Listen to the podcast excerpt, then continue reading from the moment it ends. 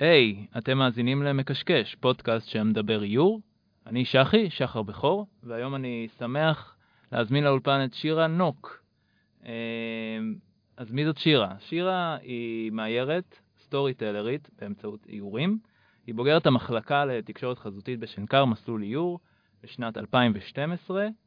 שירה מציגה בתערוכות בארץ ובעולם, וממש לאחרונה אחת העבודות שלה נבחרה להיות בין 500 העבודות המאוירות המובילות בעולם לשנת 2020, מטעם איגוד המאיירים הבינלאומי.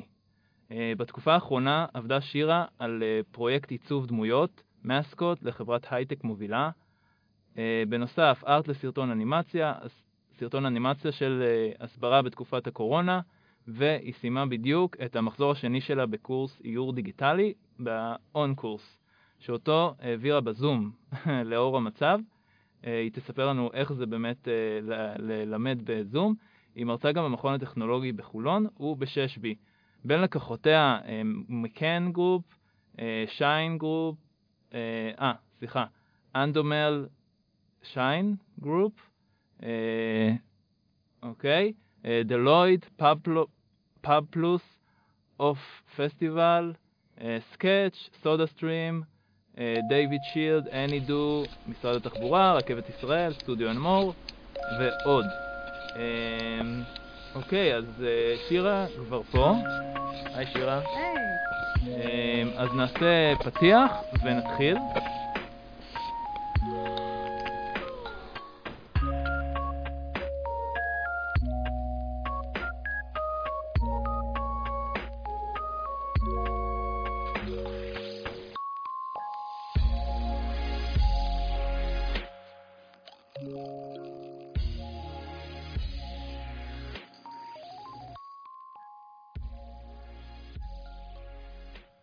היי, שירה.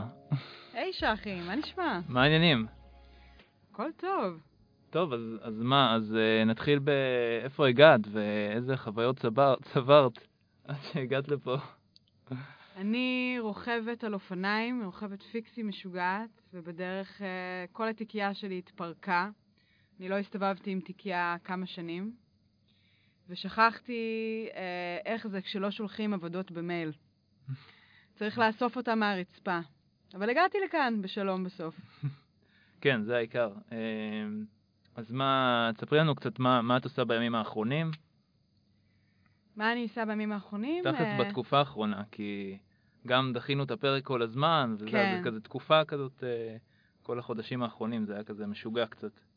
ההרפתקה האחרונה שלי בקורונה הייתה להעביר את הקורס איור דיגיטלי שאני מלמדת באון קורס בפורמט uh, של uh, שיעורי זום, וזה היה מאוד מעניין שדווקא הקורס עבר בצורה הרבה יותר מוצלחת בפורמט דיגיטלי. וואלה. Uh, והעבודות היו יותר טובות במחזור הזה אפילו.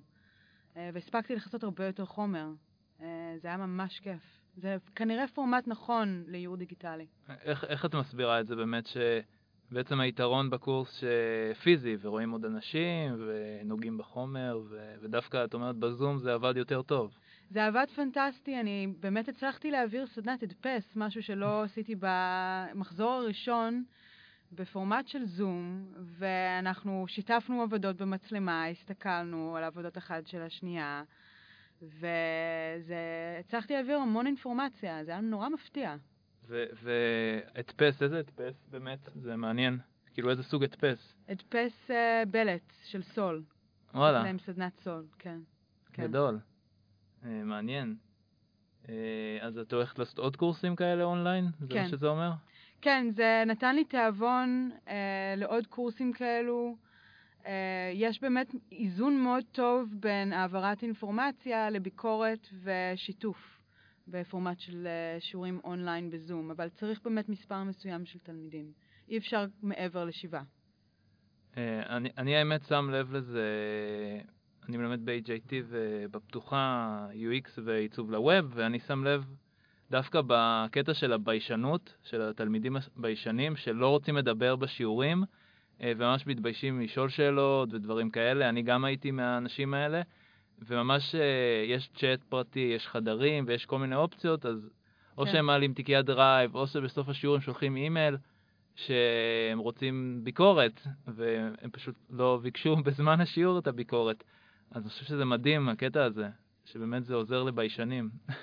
כן, וגם אם חושבים על זה, מאיירים הם מטבעם אה, מלאי חרדות, ואני מכירה את זה מעצמי כמאיירת, שאנחנו עם חרדות חברתיות, ולפעמים לעמוד מול קהל זה משהו שהוא אה, מאוד מפחיד, וגורם לנו קצת לקפוא במקום, והפורמט של זום מאפשר טיפה יותר שחרור בקטע הזה. לגמרי, לגמרי. Um, את רוצה, נתחיל uh, ב... מה זה איור עבורך? מה זה איור עבורי? וואו. Um, איור עבורי זה, זה כלי תקשורת. Um, זה דרך שבה אנחנו מעבירים אינפורמציה ורגש uh, ופיסת אישיות. Uh, זה הדרך שבה אנחנו בעצם מעבירים את איך שאנחנו חווים את העולם, uh, את הקיום שלו ואת הקיום שלנו בתוכו. זה בשבילי איור. יפה. אמ, ובואי בוא, נלך קצת אחורה, כאילו יותר ל...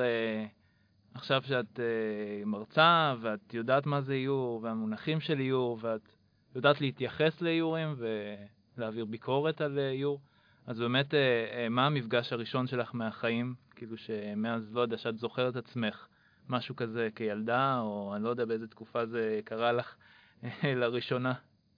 אני ידעתי שאני הולכת להיות מאיירת מגיל מאוד צעיר, אה, כבר בגיל חמש ידעתי. וואו. אמ, אני הייתי אה, מציירת, שזה מצחיק, שהעבודות שלי היום של החתולים אה, ושל חיות הן העבודות, לדעתי, הכי, הכי כיפיות שלי, שאני הכי נהנית לעשות אותן, ואני באמת התחלתי מלצייר חיות, לא בני אדם. אמ, הייתה לי אובססיה קשה לחתולים, ועד היום אני מציירת חתולים. אה, וזה חלק מה, מהסגנון שלי, חיות. ואז מה, כאילו, ככל שגדלת אז חקרת את התחום, וממש, או שזה פשוט היה חלום כזה, כמו יש ילד שרוצה להיות רופא, אסטרונאוט, ושירה רוצה להיות מאיירת? אז כדי לענות על השאלה הזאת, היא ממש, אני צריכה קודם כל לספר, אני באתי מבית דתי. אה, אני דתייה לאומית במקור. אה, מהקו הירוק, ולא ידעתי הרבה מאוד דברים, אבל ידעתי שאני מאוד אוהבת לצייר, והחלום שלי היה בתור ילדה דתייה לאייר את אגדת פסח. אה, ויום אחד אני באמת אאייר אגדה שלמה, אה, היום רק זכיתי לאייר כפולה או שתיים מתוכה, אה, וזה היה החלום שלי. אני, אני פתחתי את הספרים, ספרי ילדים, אני גדלתי על תום סויר, אוליבר טוויסט, אני גדלתי על הספרות שהיא לא בארץ, נולדתי בדרום אפריקה והבאנו את התרבות הזאת לפה. ועליה גדלתי ורציתי לצייר כמו, בספרים, כמו, ש, כמו הספרים שגדלתי עליהם. והייתה לי באמת ילדות מופלאה עם המון המון המון ספרים. וחשבתי שיום אחד תהיה לי אגדה משלי, וחלמתי להיות מאיירת ספרי ילדים. אה, ובאמת הגעתי אה, לספרי ילדים מאוחר יותר, הדבר הראשון שעשיתי. וגם הביאו לך אה, ספרי ילדים כן. עבריים? כאילו, את זוכרת איזה ספר ילדים עברי ש... לא, לא היו לנו ספרי ילדים עבריים. אה, וואלה. לא, לא היו לנו בכלל. מדהים. איזה קטע. זה מטורף. אני, כש... בבית ספר הביאו לנו את אלונה פרנקל, שהגיעה להרצות, אמ, זה היה המפגש הראשון שלי עם מאיירת, ואני זוכרת את זה, אני זוכרת... בבית ספר? כן, כוונה... בבית ספר הדתי. אה, וואלה. כן, הביאו לנו את אלונה פרנקל אה, עם, עם הסיפור של האי פלוטו, ואני זוכרת את זה כאילו זה היום. אני זוכרת איך היא נראית, ושהיא באה והקריאה לנו אה, מהספר, ואמרתי שאני יום אחד אהיה במקום הזה. כן. שאני אגיע לבתי ספר ואני אקריא לילדים את, הסיפ... את הסיפורים שלי. יפה, וואו, איך אני אוהב את האיי פלוטו. כן. אמ, אז, אז בואי, בואי נתקדם לעלית לארץ, ובאמת, כן. לא יודע, חיפשת בגוגל, או מה היה התהליך הזה שהגעת בעצם לגלות שיש מסלול איור בשנקר, ובאמת... אה, אז אה, אני באתי מהבית הדתי הזה, ולא ידעתי שיש כל מיני מקצועות. אמ, גם אמנם היה לנו מחשב בבית והייתה לנו טלוויזיה, אבל אינטרנט זה היה משהו מאוד, אה, מאוד מתחיל באותה תקופה, גיליתי בגיל 19 על, אה, על, על עולם האיור, אני למדתי בתלמה ילין, חשבתי שהעולם שלי הולך אה, לכיוון של אומנות. Mm, אז היית במגמת כן, אומנות. כן, אה. אני עזבתי את האולפנה בגיל 14 והלכתי ללמוד בתלמה ילין מכיתה י'. Mm. ושם למדתי אומנות פלסטית, וסיימתי בהצטיינות, והייתי בטוחה שזה הכיוון שלי בחיים. לא ידעתי שמאייר אה, זה, זה גילדה בפני עצמה, חשבתי שזה חלק מעולם האומנות. שבאמת. כך זה בחו"ל. אה, כשלומדים איור, אה, לומדים פיין אה, ארטס בחלק מהמקומות. אה, והייתי מוכנה כבר לצעד הבא שלי, שזה ללכת לבצלאל או ללכת לגולדסמית אה, ולפרוץ בקריירה של אמנות, אבל הייתה לי בעיה מאוד גדולה עם העולם הזה. Mm-hmm. אה, ואיור תמיד היה משהו שליווה אותי בתלמי ילין, והם לא ממש ידעו איך לאכול את עולם, ה... עולם הדימויים היותר פיגורטיבי או מאויר, או יותר אילוסטרטיבי. Mm. מבחינתם זה היה קיץ'. כן, האמת שכבר הייתה לנו אחת המרואיינות שדיברה על, על זה שהיא עשתה תואר שני, ו... כאילו הפיגורטיבי הזה מאוד לא בטוב. לא. כן. לא. אז מבחינתם עולם האיור, בזמנו כשאני נגעתי בו אה, בלימודים, בתיכון, זה, זה התקבל כמשהו שהוא הוא, הוא טיפה ילדותי וקיצ'י ולא, ולא אומנות גבוהה. היה לי כן. בעיה מאוד גדולה עם עולם האיקונוגרפיה, של, של עולם הקודים, השפה המאוד גבוהה של אה, עולם האומנות, שהוא לא היה תקשורתי. והיה משהו מאוד... נכון באיור עבורי, שהוא היה אה, רגשית ומבחינת הדימוי תקשורתי, והיה ברור מה, מה הכוונה שלך ואיזה מסר ואיזה סיפור אתה מעביר, מה שהיה לי מאוד קשה בעולם האומנות. אבל כמאיירת, אה, עם גם ידע מאוד, אה, מאוד מורכב בתולדות האומנות, וההבנה שלי של ניתוח של יצירות והאוריינות הזאת תמיד ליוותה אותי כמאיירת. וגם היחס הזה לקומפוזיציה, צבע ומחקר, הם תמיד באו מעולם האומנות ולא מעולם האיור. אמ. ואת יכולה, את יכולה, נגיד יש מאזינים שהם פחות מהעולמות האלה, את יכולה להגיד לנו כזה בכמה מילים באמת מה ההבדלים המשמעותיים ב- בין אומנות לאיור? ההבדל הכי משמעותי בין אומנות לאיור זה במסר ובאיך שהוא עובר. איור מוכר, כשהוא חלק, איור יכול, איור הוא ילד, ילד חצוף קצת, הוא יודע להיות פה והוא יודע להיות שם. מה הכוונה? איור מעביר אה, מסר ומוכר רעיון, סיפור, כשהוא נמצא תחת תקשורת חזותית. כשאיור נמצא בתוך עולם האומנות, אה, או בתור, בתוך עולם שהוא לא אה, מתקשר או חייב לתקשר, גם, די נשאר על ציר האומנות, ואז הפרשנות בידי היוצר היא סובייקטיבית. כאשר הפרשנות היא ברורה, היא תחת תקשורת חזותית, אנחנו מוכרים רעיון, מסר ומוצר. ולכן איור הוא כלי תקשורת אה, נורא נורא נורא חשוב בתקשורת חזותית. כי אנחנו יודעים איך להעביר בצורה מאוד מדויקת את מה שאנחנו רוצים. בצורה שלאו דווקא עיצוב היה מצליח להעביר את זה. לגמרי. אה, מסכים עם כל מילה.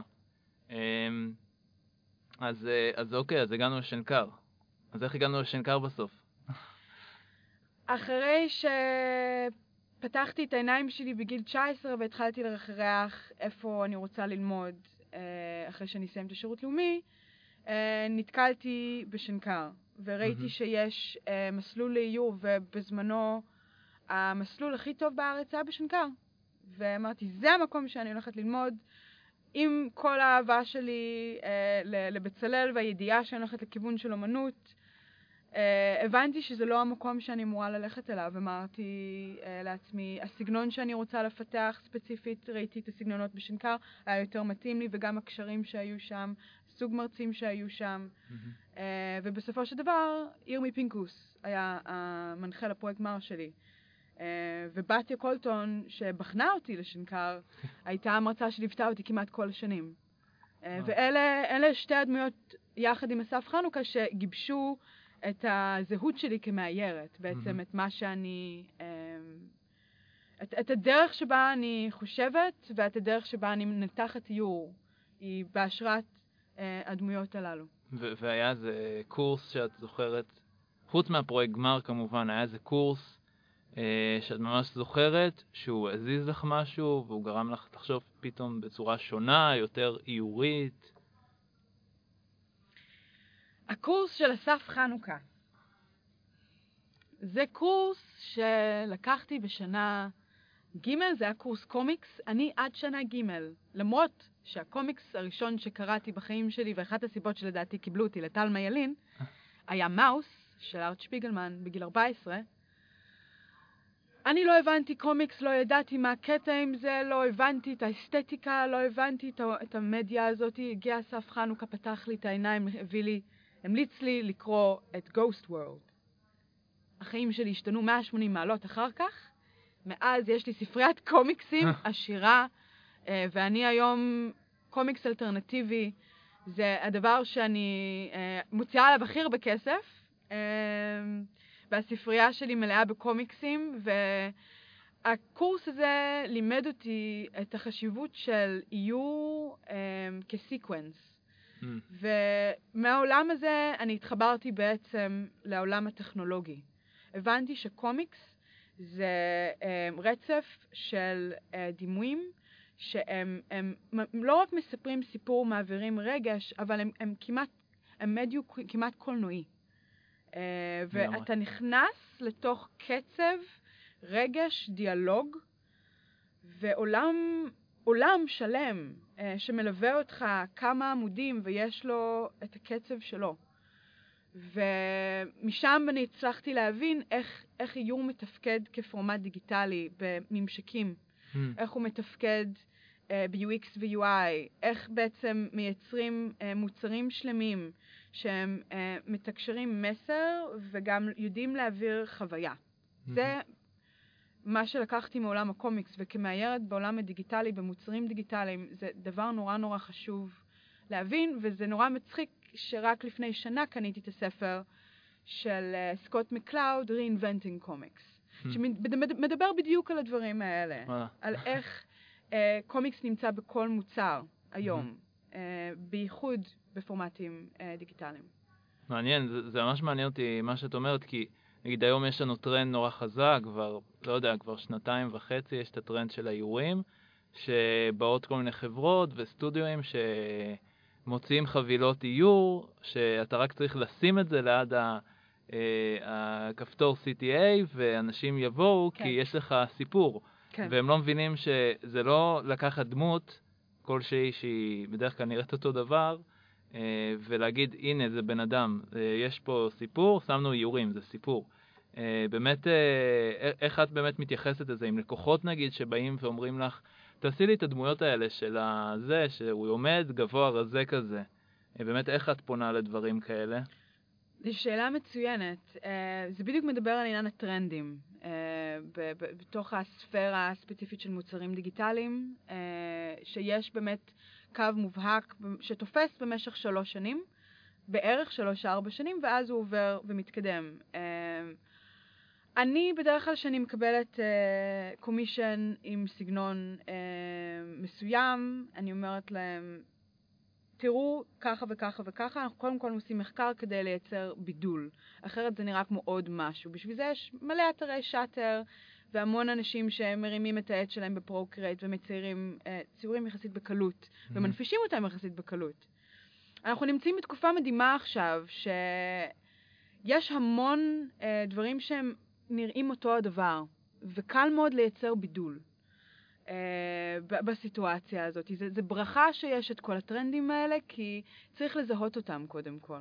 וכשהלקוח שם לב שיש מגמה, הוא פתאום רוצה להיות הילד המיוחד. Mm. הוא רוצה לייצר לעצמו זהות.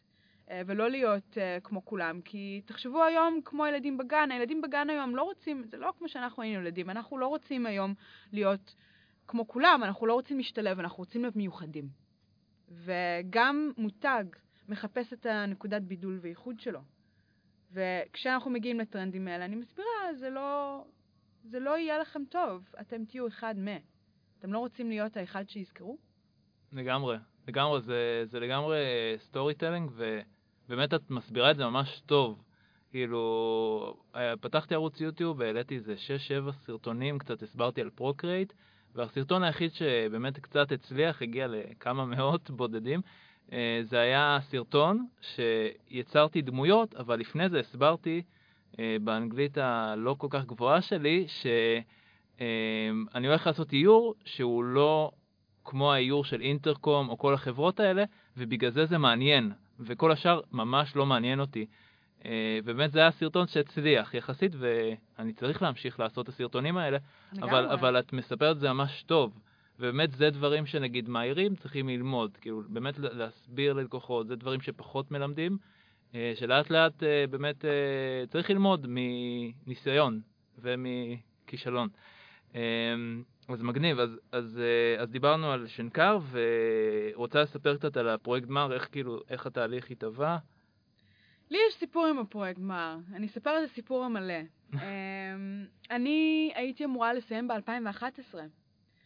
אני התחלתי פרויקט גמר מאוד שאפתני, שהיה בשילוב עם עיצוב תעשייתי, אה, ואני לא ידעתי איך לגשת לזה.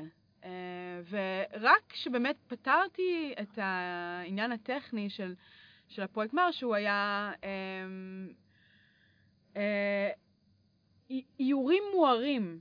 אה, לחדרי ילדים, שהתוכן המאויר בהם היה פרשנות שלי לאגדות ילדים מפורסמות. אני רציתי לקחת את האיור ולהוציא אותו מהפורמט הדו-מימדי, שזה מצחיק שה... אם אנחנו חושבים תוך כדי הרעיון, ואני אוהבת לעשות את זה, המוצר שלי שבעצם נבחר בתחרות הזאת, ה-Association of Illustration הוא באמת לא איור דו-מימדי על דף, הוא מנורה. כן, זה הלד. כן. כן. אמ, זה יפה שכאילו, לא יודע, לקח תשע שנים אמ, מהדבר הזה שחלמת לעשות פרויקט גמר, ו... ובסוף זה יצא, זה, זה, זה די מטורף, כאילו שכמה אנחנו בהתחלה יש חלום, או שהוא במגירה, חושבים על זה, רודפים אחרי זה, ולא מצליחים להוציא את זה, ובסוף אה, בתהליך שאני בטוח שהיה קשה, כי בטח עבדתי עם מעצבת פנים ועם סטארט-אפ, וזה היה טירוף, כן, כן. שבסוף כאילו מעריכים את מה שאנחנו עושים. כאילו, כן. בזמן שאנחנו עובדים עם לקוחות פרטיים, ובשביל הרבה זה סיוט אה, מתמשך, שבסוף הם לא רוצים להיות פרילנס, אה, מגיעים לרמה כזאת, אבל כן. כאילו לא ויתרת לעשות את ה... את המנורות לדים, אה, ציורי לדים, אני לא יודע איך להגדיר את זה בכלל, אה, במשרד. אז, זה אה, היסטרי, אני כמעט בכיתי עכשיו כי אני לא... אני לא... לא הבנתי את זה עד עכשיו. שזה היה פרויקט שבעצם זכה, זכה, והגיע לאנשהו, וזה זה, זה, זה היה הפרויקט מה המקורי שלי. כן, זה, זה, זה פסיכי לגמרי. כאילו ש... כן. שבאמת, אה, זה, זה כאילו, גם זאת אחת ה... אני לא יודע אם בעיות, או כאילו, או שזה דבר טוב, שפרויקט גמר, אנחנו אומרים, זה החיים שלי. כן. זה, זה כאילו, זה בעייתי, כי בעצם מה שאנחנו עושים, אנחנו יוצרים איזה משהו, אנחנו חולמים על משהו הוליווד, אה, כי זה מה שמעודדים אותנו. ואז כן. שנגיד זה לא יוצא הוליווד וזה מתפוצץ לנו בפרצוף, אנחנו כאילו נופלים קשה, או שזה יוצא חצי כוח ואנחנו מרוצים מהחצי. אה, אבל באמת, זה רק מראה שאיך כאילו השאיפה שלך כסטודנטית, בסוף היא התממשה ביג טיים אחרי תשע שנים. כן, זה מטורף, אני הבנתי את זה באמת רק עכשיו בריאיון. אני לא... אני לא ידעתי את זה. איזה היסטרי. Uh, וואו, קודם כל תודה, תודה רבה. נראה לי שזה מה שכאילו ש... שאנחנו מדברים, כאילו שאנחנו מדברים על ה... על הדברים האלה, שאז זה יוצא. כאילו אם אנחנו כן. גם לא עושים את השיחות האלה עם uh, קולגות uh, או עם עוד מאיירים על מה שאנחנו חווים, אז זה פשוט לא יצא, וגם הדברים לא יקרו. אז כאילו תמיד אני אומר לאנשים שדברו על זה. Uh, זאת אחת הסיבות שבאמת, גם שהוצאתי את הפודקאסט וגם שעכשיו אני הזמנתי מלא אנשים שיפנו עם, uh, למגזין של האיור, כי, כי זה המקום. כי אנחנו אנחנו קצת מופנמים, המאיירים, כן. ואנחנו חייבים לצאת החוצה וגם בקטע כזה, וגם בקטע של לקוחות ותמחור ולהעלות את השוק הזה, אה, את המודעות שיש מאייר, שזה העבודה שלו. אה, בסופו של יום, כמו שיש מעצב ויש לו זכויות, אז גם יש מאיירים אה, על אותו בסיס.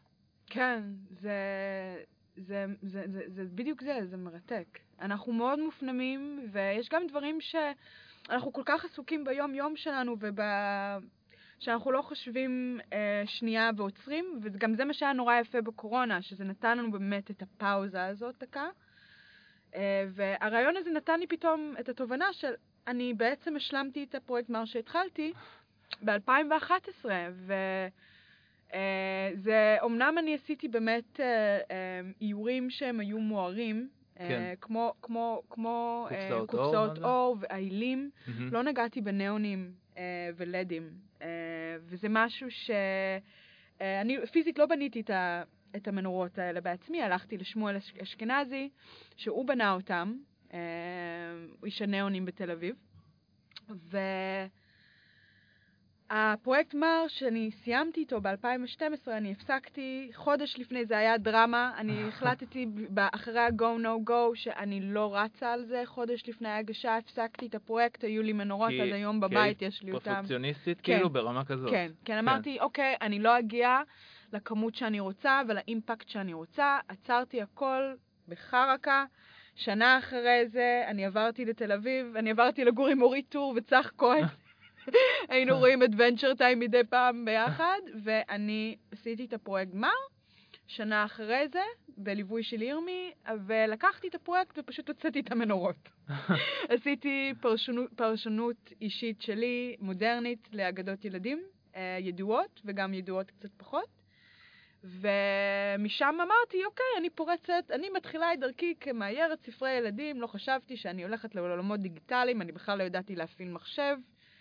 ומצאתי את עצמי בסטודיו של ברוך נאה, אמ, ואחרי זה בסטודיו טורנובסקי, ואני לא... כאילו זה היה נורא משונה כל התהליך הזה, תמיד היה לי איזה הדהנטר ש...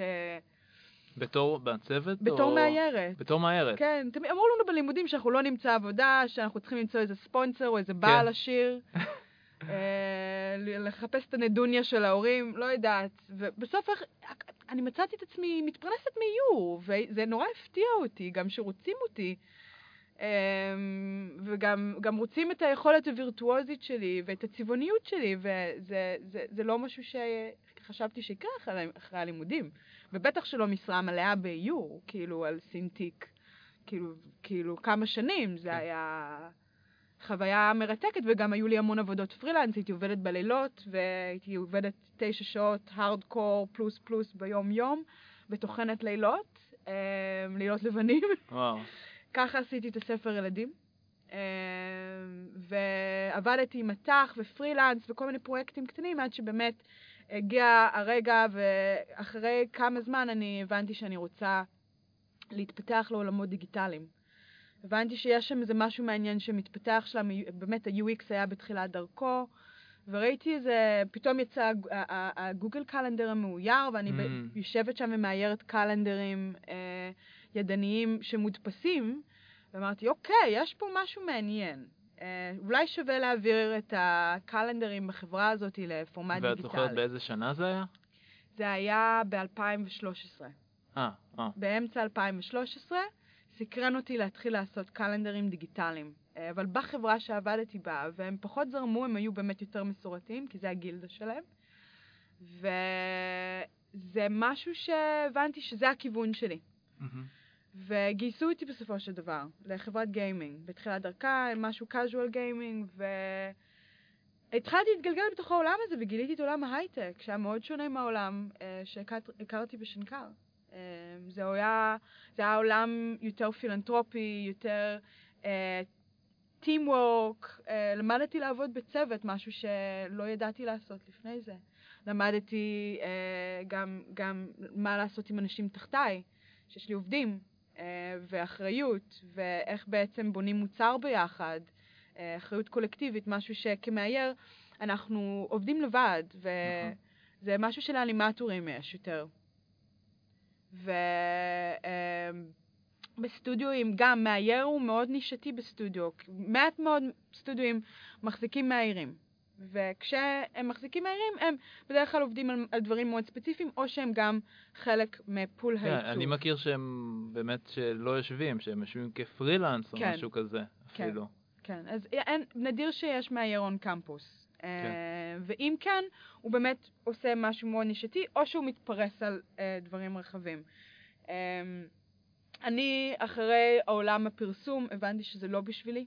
הבנתי שמשרדי פרסום, סטודיואים, אני רוצה לעבוד איתם כפרילנס, אבל לא להיות בתוכם, זה לא טוב נפשית. אני הבנתי המון המון דברים תוך כדי. כן.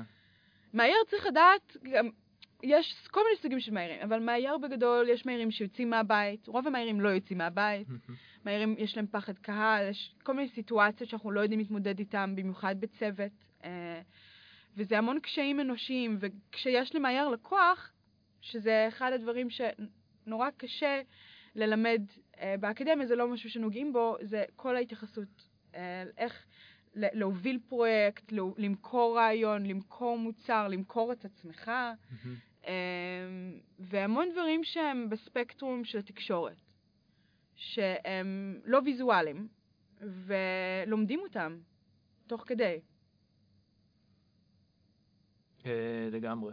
כאילו, אני מסכים עם כל. מה שאת אומרת על הנקודה הזאת של הלימודים, שזה גם, אני מרגיש את זה גם מלימודי העיצוב, כי בסופו של דבר, אה, המסלול שאני עשיתי, אז במקביל כל הזמן עבדתי בסטארט-אפים, בלימודים.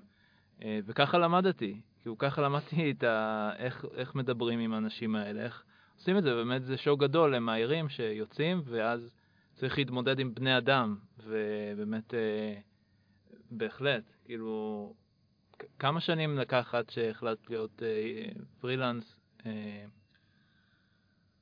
וואו, אמ, אני הייתי פרילנס כל הזמן, אבל הייתי פרילנס במשרה חלקית. אני מהרגע, אני חושבת שהייתי פרילנס עוד משנה ב'.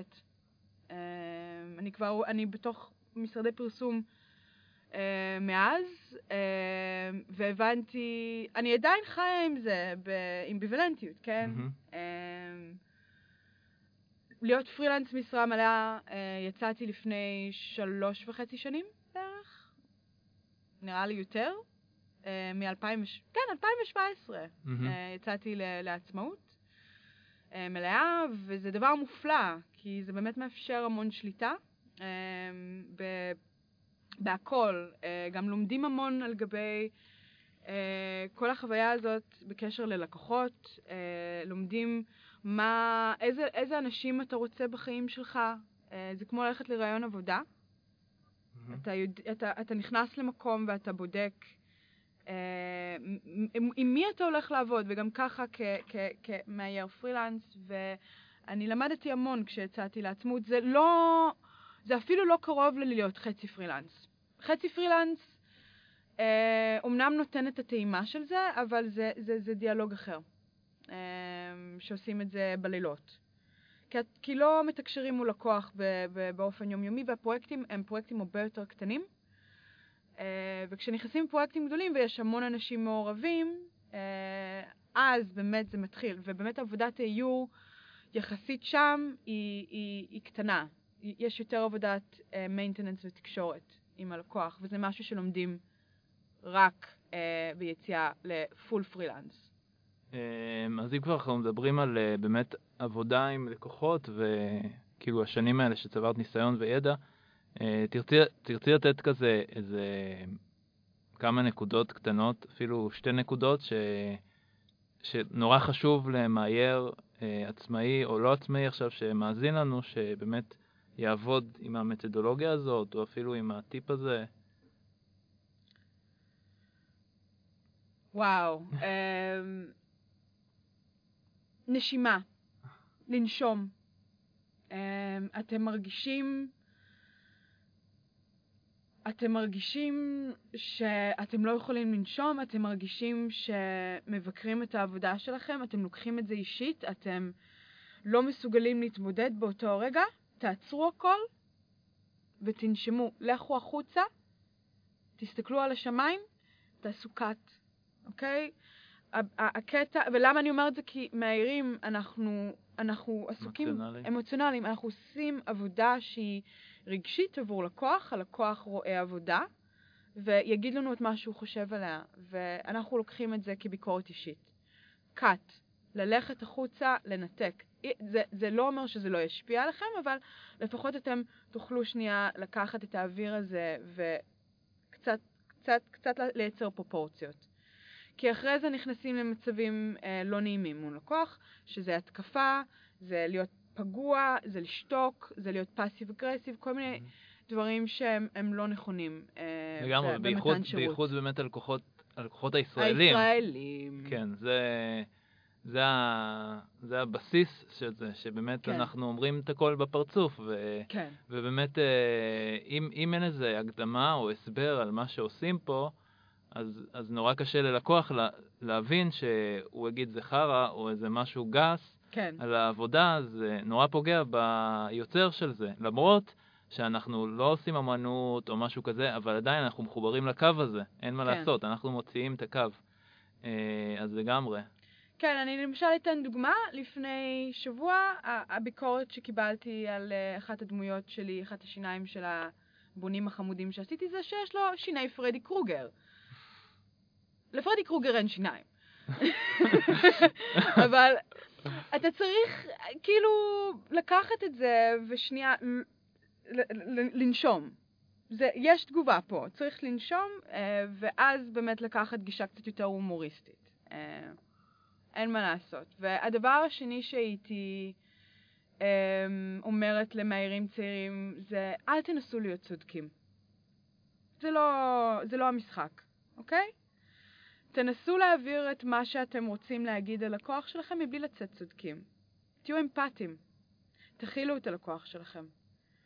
אתם נותנים לו שירות פסיכולוגי שווה בשווה 50-50 כמו שאתם נותנים לו אמ, שירות איור. אה, המוצר שאנחנו מוכרים ללקוחות הוא מוצר אמוציונלי. אה, זה מוצר שהוא רגשי נטו, ואנחנו לא באים לייצר פה קונפליקט, אנחנו באים לתת נחמה אה, ולייצר את, ה, את הקתרזיס, את הרגש הזה שהוא כל כך נעים אצל הלקוח שלנו וגם אצלנו. אז אל תנסו להיות צודקים, זה לא יוביל אתכם לשום מקום. הלקוח צודק, תיתנו לו להיות צודק, זה לא משנה, זה לא משחק כוחות. אז איך, אז איך באמת, את אומרת לשים בצד את האגו, אז באמת איך, איך אה, באמת אה, את מובילה מהלכים שבסוף יהיה את הסגנון שלך ואת הדברים שלך? אה, כי יכול להיות שמישהו יפרש את זה, מישהו צעיר או לא, וכמשהו שאוקיי, אני צריך לעשות עכשיו אז כאילו מה שהוא מבקש, את האיור שהוא רוצה, איך באמת את עושה, יוצרת את הדיאלוג הזה, שהוא לא ייפגע, אבל את כן תובילי. לשמור על האגו. כן לשמור על האגו, אבל לא על האגו שלכם אה, כ, כבני אדם. על האגו היצירתי, כן. אה, הכוונה שלי היא להבדיל בין אה, הרצון אה, אה, להיות צודק ושחור לבן לאגו היצירתי. האגו היצירתי הוא ההבנה שלנו של מה שעובד ולא עובד, שמבוסס על הבנה ומחקר והידע המקצועי שלנו, ו- וזה, וזה מה שהלקוח בא כדי לקבל מאיתנו, והוא בא כדי לקבל מוצר שהוא לא יכול לעשות אותו בעצמו, ושרק אנחנו יכולים. אם הוא רוצה משהו דומה לככה וככה וככה, קודם כל, אם זה דומה מדי, צריך להסביר שזה העתקה ואי אפשר וזה תביעות, והוא לא רוצה תביעה. מצד שני, גם צריכים למכור לו מוצר ולמכור לו את היכולת שלו להיות שונה ולהיות, אה, ולבדל אותו מהמתחרים שלו. וככה הוא, הוא לא ירצה בדיוק כמו, הוא ירצה משהו דומה ל. ובדרך כלל לקוח פונה למאייר כי הוא אוהב את הסגנון שלו, או שזה קרוב למה שהוא רוצה בר- בראש שלו. לגמרי, לגמרי. אני חושב שאנחנו מוסיפים את הנקודות האלה של בידול, ואנחנו מייצרים נרטיב, אנחנו מייצרים סיפור, אנחנו בעצם באים פה להגדיל את העסק שלך, של הלקוח, או לעשות משהו מדהים ביחד, אז באמת אז אנחנו, אין מה לעשות, Mhm. זה דיאלוג מתמשך, אנחנו חייבים כאילו להיות באותו ראש של הלקוח, שלא, כן. יביא, שלא יחשוב שהוא הביא צייר, שעושה לו ציורים, שזה הכי גרוע שבמערכת יחסים יכול לקרות. אם עכשיו אני משקיע פחות אנרגיה בלקוח מסוים, כי יש לי הרבה לקוחות, או, ש... ו... או שאין לי כוח לפרויקט, ואז פשוט יוצר מצב שהתכתבות באימיילים או משהו כזה, אה, וזה הכי גרוע, שבעצם הוא חושב שזה זה, זה ביצועיסט שמכין לו דברים. כן. גם יש הבדל מאוד גדול בין uh, התקשורת מול, מול, מול uh, לקוחות בארץ ולקוחות בחו"ל. לקוחות בחו"ל, התקשורת היא הרבה יותר מסודרת, היא הרבה יותר מכבדת, היא גם הרבה יותר uh, מדויקת uh, ואמפתית. Uh, בארץ uh, כן צריך לייצר פה uh, הבנה שסטייל, אני, אני אגיד את זה, אני לא אוהבת להגיד את הדברים האלה, אבל סטייל של אני לא עובדת אצלך, אני עובדת איתך. זה עבודה משותפת. Mm. ובחו"ל מבינים את זה, לפחות מהניסיון האישי שלי מול עבודות של סטודיואים בחו"ל, אמ, מבינים שזה עבודת צוות ויש באמת יותר brainstorming ושיתוף ולא מצפים מהקריאיטיב לשלוף הכל מהמותן כמו קוסם. אה, יש יותר סדר בעבודת קריאיטיב. אני חושב שזה ממש חשוב מה שאמרת עכשיו. אני הפסדתי יותר מעשר לקוחות על הדבר הזה, כן. ש, שפשוט מההתחלה אני ידעתי לשאול את השאלות הנכונות ולהבין מי הלקוח, ואיך, האם בכלל הלקוח הזה שעכשיו פנה אליי, הוא זה שמייצר, או שהוא בכלל סטודיו חיצוני שצריך להביא איור, אה, שיש לו תקציב מסוים, ובכלל כן. הוא לא רוצה לחשוף את התקציב, אה, ולאט לאט אנחנו מבינים שזה לא, לא טוב לי. אה, ועדיף לפתוח את הפה בהתחלה ו- ולספר את הסיפור, ולראות מה מצפים ממך, כן. אה, באמת מה מצפים, לא כאילו כל מיני בקודים או כל מיני בריפים כאלה. אה, באמת ליצור את הדיאלוג הזה ו- והבריינסטורם המשותף, הדברים האלה מההתחלה, כדי לדעת שאוקיי, זה לא לקוח בשבילי, ביי, שלום.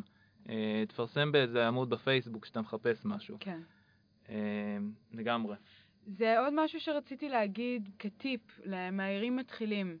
בגלל באמת הסוגיה של ההש-הש עם תקציבים והדרך שבה חלק ספציפית עולם הפרסום בארץ עובד, וזה שונה מעולם הטק, אוקיי? Uh, תשאלו מה התקציב. תשאלו. כי אתם לא תדעו איפה אתם עומדים. אני למשל מתמחרת את העבודות שלי לפי התקציב שיש, אני אדע מה אני הולכת לספק. Uh, אם יש תקציב מסוים, אתם לא יכולים, תחשבו על זה בתור מסעדה, אתם נכנסים למסעדה, יש לכם 200 שקל, אוקיי? או אתם הולכים לשוק ויש לכם 200 שקל, יש כמות מסוימת של דברים שאתם תקנו ב-200 שקל. אתם לא תוכלו לקנות אה, סטייק אה, במסעדה אה, עם מלא מלא תוספות, או אתם לא תוכלו, זה באמת הגבלה, ואנחנו צריכים תמיד להבין את ההגבלה אה, לפני שנכנסים למסעדה, כמו שאנחנו רואים בתפריט כמה דברים עולים.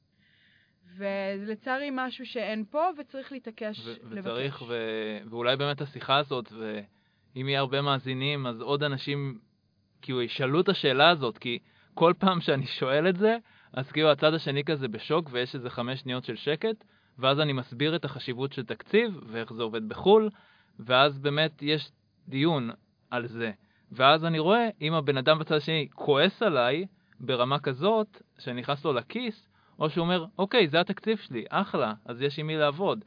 ואם הוא כועס, כנראה שאין עם מי לעבוד, ואני לא צריך לקוח כזה.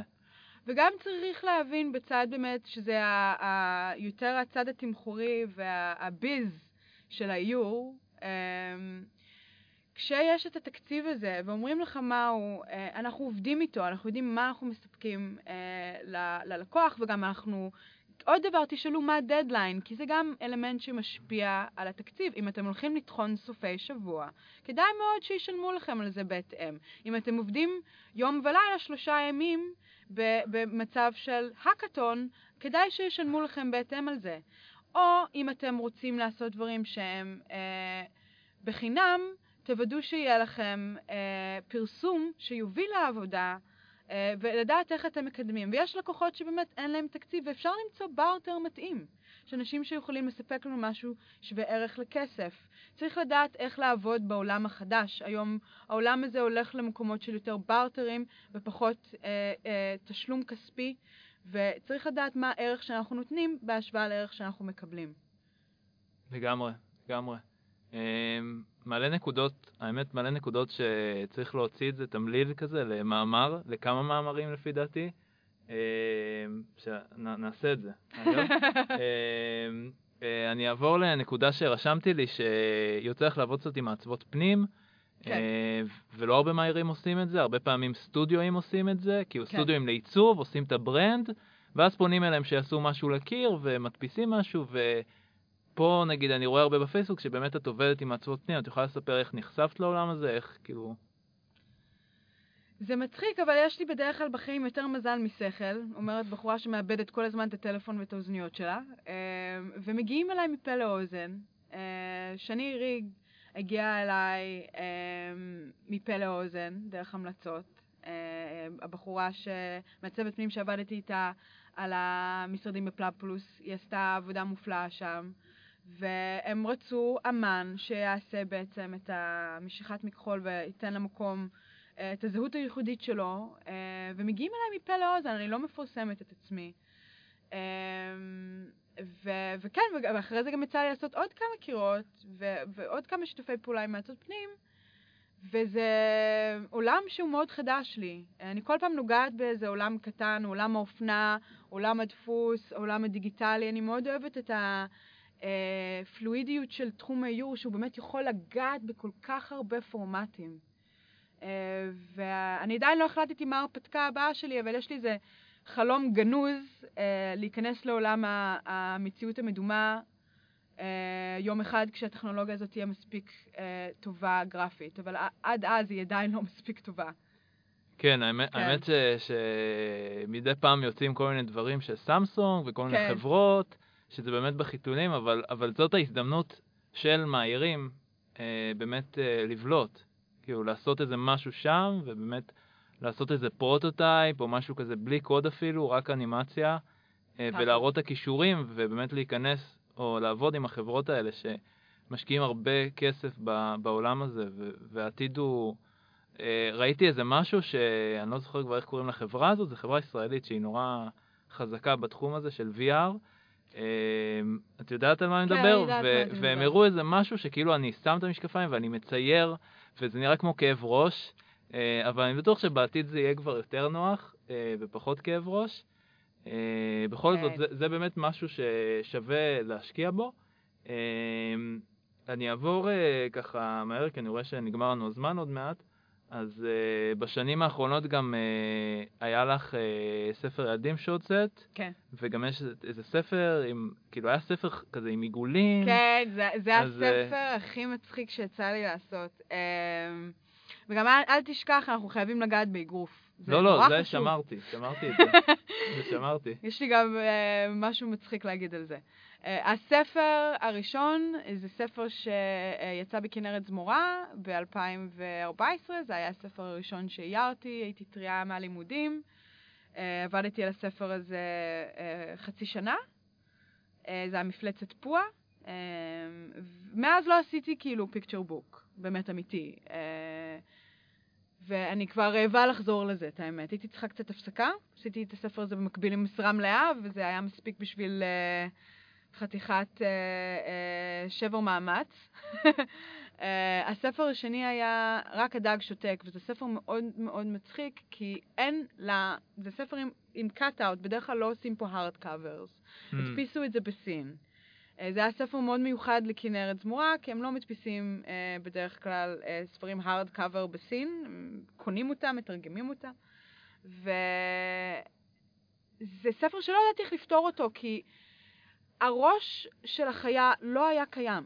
זה היה ספר שהוא עם חור שטנץ באמצע הספר, עם גוף של חיה, הראש ענק, הגוף קטן, אני צריכה לצייר אז נופים. רגע, אז קודם היה פורמט, היה פורמט, היה פורמט שצריך להלביש משהו. כן, ואני כזה, ויש חיות, ש... החיות החמודות, אי אפשר לצייר אותן כי הן לא כשרות. וחזירים, אי אפשר לצייר פה. ואני אומרת לעצמי, איך לעזאזל אני פותרת את הספר הזה? הוא ישב אצלי במייל, אני חושבת שכמעט שנה. כמעט שנה, ואז הלכתי לבולוניה ב-2017. ובבולוניה אני גיליתי שיש כל כך הרבה סוגים של ספרים, קיבלתי השראה שם. הבנתי שאני אני חייבת לעוף על הדבר הזה, ובאמת חזרתי הביתה, והיה לי את הפתרון. פתרתי את הספר, הצלחתי לאייר אותו. Uh, הסופרת של הספר הזה היא לא קיימת, היא, היא סופרת בכאילו, היא, אני חושבת שכתוב שם uh, איילה בר זאב, היא אה, סופרת גוסט רייטר לא קיימת, אה, מה- מה- והספר מה זה אומר? מתורגם. אה, שכאילו... או, כן. איך טוב? הספר, זה פשוט משפטים מתורגמים של, זה ספר עם אה, שלושה משפטים של אה, החיה עושה מו מו, בא אה, בא, אוקיי. גה גה. לגילאי מה, שנתיים? כן, זה ממש פיט, לקטנים קטנים קטנטנים, Mm. לשנה, שנתיים, גם לא עשיתי לפעוטות עד היום ספרים. ואני אמרתי לעצמי, איך לעזאזל אני פותרת את הדבר הזה? זה גם צריך להיות כאילו יפה, זה גם צריך ל... יש פה חור ענק, והאמא שמה את הראש שלה באמצע, איך, איך זה אמור להיות הגיוני? כן. בסוף זה יצא ממש מוצלח, והצבעים יצאו בוהקים. המפלצת פועה, אני לא ידעתי להוריד לדפוס. Mm. אני לא ידעתי לנקות צבעים, לא ידעתי הפרדת צבעים, אני זרמתי עם מה שהיה לי במחשב, ובאמת היה לי מאוד קשה. זה הספר השני, והוא יצא בוהק, צלול, בסינים גם מדפיסים מעולה. וזה היה צבע, צבעי RGB, הם חיים, אה. כאילו, זה היה פנטסטי. אז זה, רק בשביל זה להבין בספר הבא איך לעשות execution אה, לצבע, מהמם. process טהור, זה היה, זה היה שווה את זה. אה, וכן, אני קיבלתי מלא תמונות מחברים עם הספר הזה, עם תינוק- עם התינוקות שלהם, זה היה נורא מצחיק. טוב, נעלה את זה ל notes, כן. לקישורים של הפרק, בטוח נעלה את זה, שתראו על מה מדובר, מה זה העיגולים האלה. אה, אה, אז טוב, אז, אז אני, אני חייב להגיע לפרויקטי צד, אם יש איזה משהו מעניין שאת עובדת עליו או שאת לא מספרת עליו. וואו, אה, יש לי פרויקטי צעד, כן. אה, הפרויקט הכי גדול שאני אה, אעשה אותו יום אחד, ואני אומרת אותו שאתם כולם תדעו מהו, אני רוצה לחקור ספורטאיות. ספורטאיות בעולם הלחימה, ולעשות מזה פרויקט. ובסופו של דבר להגיע עם זה למותגים, אה, לספר את הסיפור של הלוחמות, לספר את הסיפור של הספורטאיות האלה. יש לנו כמה אלופות עולם שאף אחד לא שמע עליהם עד לפני כמה חודשים, שרק עכשיו מתעסקים עם זה בקטנה. בשלוש שנים שלי בעולם הספורט אני גיליתי את הסיפורים האלה וגיליתי כמה אנחנו לא יודעים עליהם. אה, וצריך לספר את, את her story פה. ונורא התרגשתי שבאמת ראיתי את הספר של רבל גרלס בבולוניה, מהמם. והחלום שלי הוא באמת לתת אה, ייצוג לסיפורים של הספורטאיות. אה, ולהגיע עם זה, המטרה שלי הייתה להגיע לאולימפיאדה השנה, אבל אה, זה לא קרה. אני חושב שזה, ב-2021. שאת אומרת לוחמות, אבל תכלס, כאילו, זה כל הספורטאיות, את לא כן. חייבת כאילו... בדיוק, כל כן. הספורטאיות הן לוחמות. אה, נלחמות בדימוי, אה, בדימוי של אישה שרירית, גברית, דימוי של מגדר, נלחמות כדי להגיע למעמד, להכרה. זה, זה, זה חוויית לחימה, מא' עד ת', אה, עד הפרישה, ואפילו אחרי הפרישה, רק כדי לקבל את הוולידציה הזאת. אה, וזה נורא מעסיק אותי בשנים האחרונות. בנוסף, יש לי כל מיני פרויקטי צד, אה, שאני חולמת להתחיל אותם, אני פשוט צריכה להיות רגועה. אה. אה, זה, זמן זה אף פעם לא פקטור, צריך פשוט, פשוט לעשות את זה. לגמרי, לגמרי. לעשות, ו... וגם לפני שבוע העברתי הרצאה ב...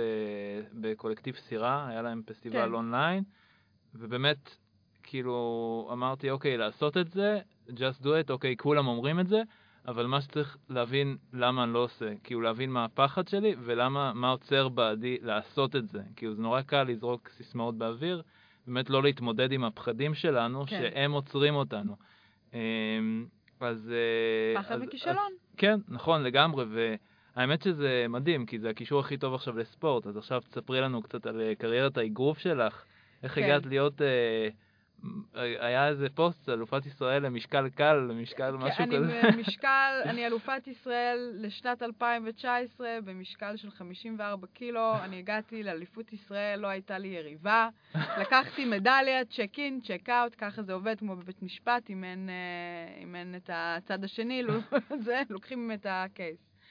אה, לצערי, אין הרבה נשים תחרותיות אה, בספורט הזה, במשקל שלי, וזה מה שקרה. אני נכנסתי לעולם הספורט כש... אה, את האמת, זה מתחיל הרבה לפני שלוש שנים, הרבה לפני הבעיות גב שהתחילו לי כמאיירת. אה, אני נכנסתי לשם אה, בגיל 13, אה, הייתה לי בייביסיטר לאחים שלי, והיא עשתה קונג פו, ולא ידעתי שבחורות יכולות בכלל לעשות קונג פו, לא ידעתי שחוץ מבלט שחייה ואומנות, בנות יכולות לעשות משהו כזה. והיא למדה אה, קונג פו גור לבן. אה, וגם הסיבה, היא הסיבה שהלכתי לשנקר. וואלה. כן, היא למדה בוויצו חיפה. ב- בזמנו, אה, שעוד היה את התיכון, Mm. אה, ויצו. אה, והיא הייתה מציירת מנגה, וזה עוד משהו שאני לא... שוב היה לי את המנגה שהייתי צריכה להבין מה זה כל הדבר הזה, ושם באמת נתקלתי בזה בפעם הראשונה. טכנית נתקלתי בזה בטיים מגזין ב-97, שהיה את הקאבר של פוקימון, אה. ואז היה את מיכל. ומיכל הפגישה אותי עם עולם האיור בפעם הראשונה, וגם עם עולם אומנויות הלחימה. ואמרתי לעצמי שיום אחד אני אלך ואני אלמד אה, אומנויות לחימה. בגיל 25 התחלתי ללמוד שאולין קונג פו. וגיליתי שזה בשבילי, ו... אבל לא היה לזה את, האם... את ה contact, וגיליתי שאני צריכה את ה contact, את האש. ואחרי זה למדתי נינג'יצו, והגעתי לאגרוף בגיל 30. הג... הגוף שלי התפרק אחרי כמה שנים שלא התאמנתי. אני מעולם לא באתי מספורט, אני לא ספורטאית, זה לא משהו שבכלל אה, לימדו אותי, אני, שלחו אותי לחוגי כן. כן. ציור, הבין, הבינו שבלט זה לא בשבילי. וגיליתי את האגרוף, האגרוף פתח לי את הגב, אה, התחילו לי המון בעיות גב מישיבה לא טובה מול המחשב, שזה עוד משהו שמאיירים חייבים לשים לב אליו, בעיקר אם יש Cintiq. ולי יש Cintiq גדול ואני רוכנת מעל השולחן שלי, והגב שלי הלך. אה, שיניתי קידומת, אני מצאתי את עצמי עם כאבי גב תחתון בפסטיבל מוזיקה, בפעם הראשונה בחיים שלי בפסטיבל מוזיקה, וזה היה החלום שלי. ואני רק רוצה למות. אני רק רוצה לברוח משם. הגב ש... אני לא מסוגלת לעמוד, והבנתי שיש פה עניין רציני. ואז נכנסתי למכון אגרוף של רן נקש. לקח לי כמה ניסיונות להגיע לשם, כי פחדתי לעלות למעלה. עלי- עליתי למעלה בפעם השלישית, אחרי, אחרי שהגעתי איזה שלוש פעמים ופשוט עשיתי אחורה פנה, ומאז אני שם. אה, ו- ועולם האגרוף הוא חלק מאוד מאוד, אה, הוא חלק יום, יומיומי מה, מה, מה, מהחיים שלי. אה, אני מתאמנת כמעט כל יום, ואני... כמה שנים כבר? של, כמעט שלוש שנים, אמ, ואני מתחרה. אני מאוד אוהבת את הספורט הזה, מאוד אוהבת את האש, והוא הוא מאוד קרוב לאיור, והוא מאוד קרוב לאומנות. ויש לא מעט אמ, יוצרים במהלך ההיסטוריה, אה, שמשוררים, ציירים ואמנים ומוזיקאים שהיו מתאגרפים מאוד מוכשרים. אה, וואלה. כן. ואני מתאמנת באגרוף קלאסי, אני לא יודעת לה- להרים את הרגל for my life, uh, למרות שלמדתי לבעוט. אבל uh, אגרוף קלאסי, um, אין הרבה מכות. זה פלטה מאוד מצומצמת. Um, וכמו כמו באיור, יש חמישה צבעים, יש חמש מכות, יש כל כך הרבה דרכים להשתמש ב- בחמש מכות ובחמישה צבעים האלה. אה, זה מינימום. אנחנו צריכים להיות מאוד יצירתיים אה, בתוך, בתוך ההגבלות האלה, וגם הדבר הנוסף שמאוד מחבר בין אה, היכולת שלי כמתאגרפת, והסיבה שאני אה, טובה כמתאגרפת, זה שיש לי כושר עין יד. אני יודעת לעקוב אחרי היד שלי, Mm. אני שולטת בידיים שלי בצורה שבן אדם רגיל לא. אני יודעת לזהות כשאובייקט מתקרב אליי בצורה הרבה יותר מהירה מבן אדם שלא מצייר, בגלל שאני כל הזמן עסוקה בלהתבונן. אני, מהירים, יוצרים, ציירים, אנחנו יודעים להסתכל, אנחנו יודעים ללמוד ויזואלית. ובאגרוף התהליך למידה הוא ויזואלי. בכל ספורט, אה, למעשה, התהליך עבודה הוא ויזואלי. אה, בנוסף, שיש, הדבר הכי מגניב זה שכמו באיור ו, אה, ו, וכמו ב, בעולם הלחימה, באומנויות לחימה, והסיבה שקוראים לזה אומנות, זה שאנחנו חוזרים על אותה פעולה אלפי פעמים. מהמם. והרבה פעמים אנחנו מתאהבים בדרך. והתוצאה הסופית היא לא מה שמעניינת אותנו בסוף. היצירה הסופית היא הרבה, הרבה פעמים אנחנו נתחבר הרבה יותר לסקיצה. אה, לאחת הסקיצות. כן. ובאגרוף יש כל כך הרבה סקיצות. אנחנו עסוקים כל כך הרבה בשיפור ובדברים מאוד מסוימים, ואנחנו כל הזמן מתרגלים, כל הזמן עובדים, כל הזמן, ואנחנו מתאהבים בדרך, בדיוק כמו שבאיור אני מתאהבת בסקיצות שלי. בגלל זה גם החיבור כל כך חזק עם עולם העסקים. כן. והיזמות וכל הדברים. אני, אני מרגיש על עצמי שאני, לא יודע, כבר שנתיים וחצי או משהו כזה, משחק כדורעף חופים, וגם, באמת, גם בגיל 31 נראה לי, החלטתי אה, לעשות את זה בעקבות חבר, ובאמת, אני עשיתי את זה במקביל למעבר לעולם הפרילנס, וכל הזמן אנחנו לומדים, כל הזמן אנחנו נכשלים, אנחנו לומדים דברים חדשים. בדיוק מה שאמרת, הולך גם לעולם הכדורעף חופים, ואני כן. מתאר לעצמי לעוד ספורט, לעוד תחומי ספורט, ובאמת גם אני ממליץ בחום לעשות כל ספורט שהוא, גם בקטע של גב למעצבים ומהירים, ו- וגם בקטע של, זה נורא כיף, כאילו פתאום לצאת מהמחשב, אינטראקציה הזאתי, אה, גם לראות דברים חדשים, אה, זה, זה באמת, זה מדהים, זה, זה, זה כיף לא נורמלי, באמת. בעיקר שאנחנו כביכול עוסקים במה שהיה התחביב שלנו. אני לא ידעתי מה זה תחביב עד גיל 30, אני חשבתי שלהקשיב, זה באמת, זה הכי עצוב בעולם, אבל הייתי בטוחה שלהקשיב למוזיקה זה תחביב. זה לא תחביב. אמ, אז גיליתי תחביב בגיל מאוחר, ואני ממליצה כי זה גם מוציא אה, מהבית, זה מוציא מהמחשב, זה מייצר אינטראקציות מתחומים אחרים עם אנשים. וזה הקהילה שלי פתאום, מצאתי את עצמי בתוך עולם אחר לגמרי, והתאהבתי בו, ואני חושבת שכל אחד חייב שהוא... יוצ- זה, בדיוק המרחב נשימה שדיברתי עליו, של לצאת ולנשום. אגרוף בשבילי זה היכולת לצאת, לנשום, לפרוק, לתקשר עם עולמות שהם לא בתוך העולם האיור, כדי שאני אוכל לחזור פנימה, רעננה יותר. מסכים לגמרי, וגם אני חייב להודות שאני זוכר רעיונות עבודה שהייתי עושה, וזה היה, אה, טוב, אה, מה התחביבים שלך? ואני מעצב, וכן, איור נגיד זה התחביב, ובסופו של דבר הבנתי שאיור זה תשוקה שלי ולא תחביב, וגם באותה רמה שלא ידעתי מה זה תחביב, ובאמת, אה, אם לרוץ פעם בשבוע בפארק או לשחק, כן, זה תחביב, וזה גם משהו שתורם לכם אה, בכל המובנים, גם מבחינה מחשבתית, זה משפר את המוח שלכם, אה, יש גם מלא מחקרים בנושא. כן.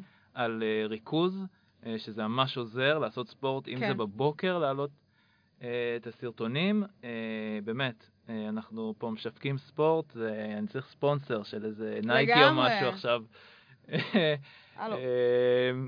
אה, בוא, בוא, בואי נתקדם ל...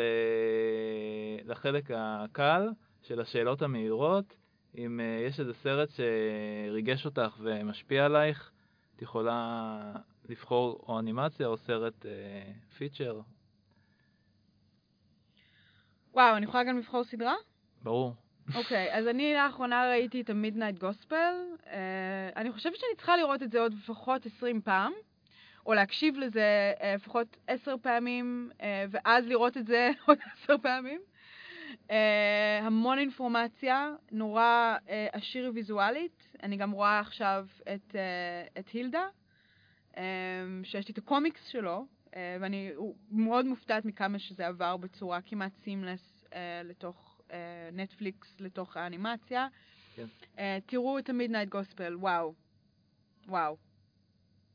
אה, אוקיי, מגניב. אז אה, כבר אמר... ת- תכלס, מעניין אותי, האמת. אם לא היית מאיירת, מה היית עושה? אני הייתי בוודאות פסיכולוגית. וואלה. כן. זה יפה. כי האגרוף זה תחביב. זה אגרוף זה תחביב, כן. כן. וגם באגרוף יש המון פסיכולוגיה, זה 50% מזה. לגמרי. כן. אה, וואי, אפילו, אפילו יותר. אה, בספורט זה, זה הדברים הקטנים. כן. כי אם את לא בפוקוס, או את, מישהו, היריב שלך מוביל עלייך, זה יכול כן. לא... זהו, זה לא משנה כמה בכושר את, אה, אם תאכלי סרטים על זה, זה, זהו, זה אבוד. אני רואה אגב, אה, למי ש... אה, שוב, חשוב לי לה, לה, להגיד שכן שיהיה לכם עולם אחר בנוסף לאיור, כי אתם תראו איך, איך זה משפר אתכם כמאיירים, איך, איך הריכוז משתנה, איך הרגישות כלפי האחר. האגרוף מאוד שיפר לי את הריכוז. אני אה, מתמודדת כל החיים שלי עם הפרעות קשב, עם ADD, ומצאתי את עצמי, מלמדת את עצמי להתרכז מחדש. באמצעות האגרוף.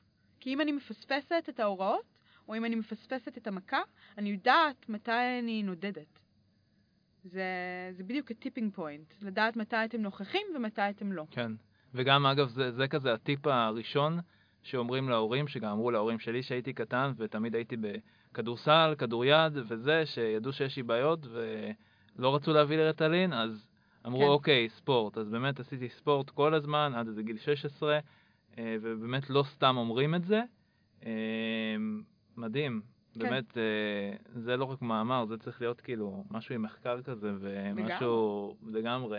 אה, משהו, צבע אהוב עלייך? טורקיז, אוקיי. אה, תוכנה אהובה. פוטושופ. אה, והשראה, מאמינה בה, איך את מוצאת אותה? מה, אוח, אה, זה כל הזמן משתנה. ההשראה, ההשראה נותנת לי השראה. אה, אני מאמינה בללכת ברחוב. אני מאמינה בלמצוא את הדברים הקטנים אה, מתחת לאף. מגניב. אה, מאיירת, מאיירת או מאייר שהשפיעו עלייך? למרות שדיברת כבר על איזה שלושה, אבל אה, אם יש עוד משהו? כן, אה, המאיירת שהשפיעה עליי, ב... גיליתי אותה בשנה ב', ואפילו הלכתי לפגוש אותה, אה, קייט מורוס. מעצבת ומאיירת. אה, אוקיי, נשים לינקים, מי שלא כן. מכיר. אה, אם לא היית גרה פה, איפה היית גרה? זה מחזיר אותנו לתחילת השידור שלא הקלטתי. דה! או אה, שזה סוד, אז אני לא... הייתי גרה או בלונדון או בברלין. אוקיי, מגניב. אה, אה, שאלה אחרונה האמת, שלמרות שכל הרעיון הזה היה בנוי מטיפים בצורה מאוד מסודרת ויפה, אפילו לא חילקתי את הפרק כי זה שעה. אה, אז אה, טיפ למאיירים שעכשיו יוצאים, כי אין פרסומות, אבל יש פרויקטי גמר עכשיו, אה, חלק נדחה, אבל אה, באמת טיפ למחזור החדש של המאיירים שיוצאים עכשיו. תגישו את העבודות שלכם לתחרויות. תשקיעו את האקסטרה כסף. אני השנה לא התקמצנתי, אני בדרך כלל לא מגישה, ו... שמתי את ה-50 פאונד האלה, את ה-49 פאונד האלה, תעשו את זה, לכו תדעו מה יקרה. תראו מה קרה לי, לא יודעת. אמ, אני גם ממליצה לכם להעז, אה, לשלוח את העבודות שלכם. תסתכלו על, על החברים המעצבים שלכם, תעשו בארטרים איתם. הם צריכים איורים בדיוק כמו שאתם צריכים מעצב שיסדר לכם את התיק עבודות. תעשו שיתופי פעולה, זה לא דבר רע. אמ, זה יקפיץ אתכם. ותעשו ספורט. והרבה ספורט, אחרת אתם תהפכו להיות דינוזאורים בגיל 30. טוב, אז uh, היה פרק ממש כיף, חיכיתי הרבה זמן שזה יקרה, וזה הנה זה קרה, נראה לי שלושה חודשים, ארבעה חודשים, לא יודע כמה זמן כבר uh, חיכינו. לעשות את זה. Uh, אז תודה לשירה נוק, uh, שהיא היא, היא באה היום uh, לאולפן. Uh, תודה לכם שהאזנתם למקשקש, פודקאסט שמדבר איור, אני שחי. Uh, הודעה לכולם, תכלס, uh, מי שבא לו לכתוב על איור, על עיצוב, על יצירה, אה, באמת מה שהוא חווה מהקריירה שלו או לפני, אה, מוזמנים לשלוח לי ונדבר על אה, המגזין החדש שהולך לצאת. אה, בקרוב מלא פרטים. אה, מי שמאזין בפודקאסט של אפל, בבקשה לדרג, ספוטיפיי גם אפשר לעשות לייק וזה יעזור לעוד מאיירים ומעצבים להיחשף לפודקאסט, אה, פייסבוק, כל הדברים האלה. אה, המון תודה שהייתם, ונתראה שבוע הבא. יאללה. ביי,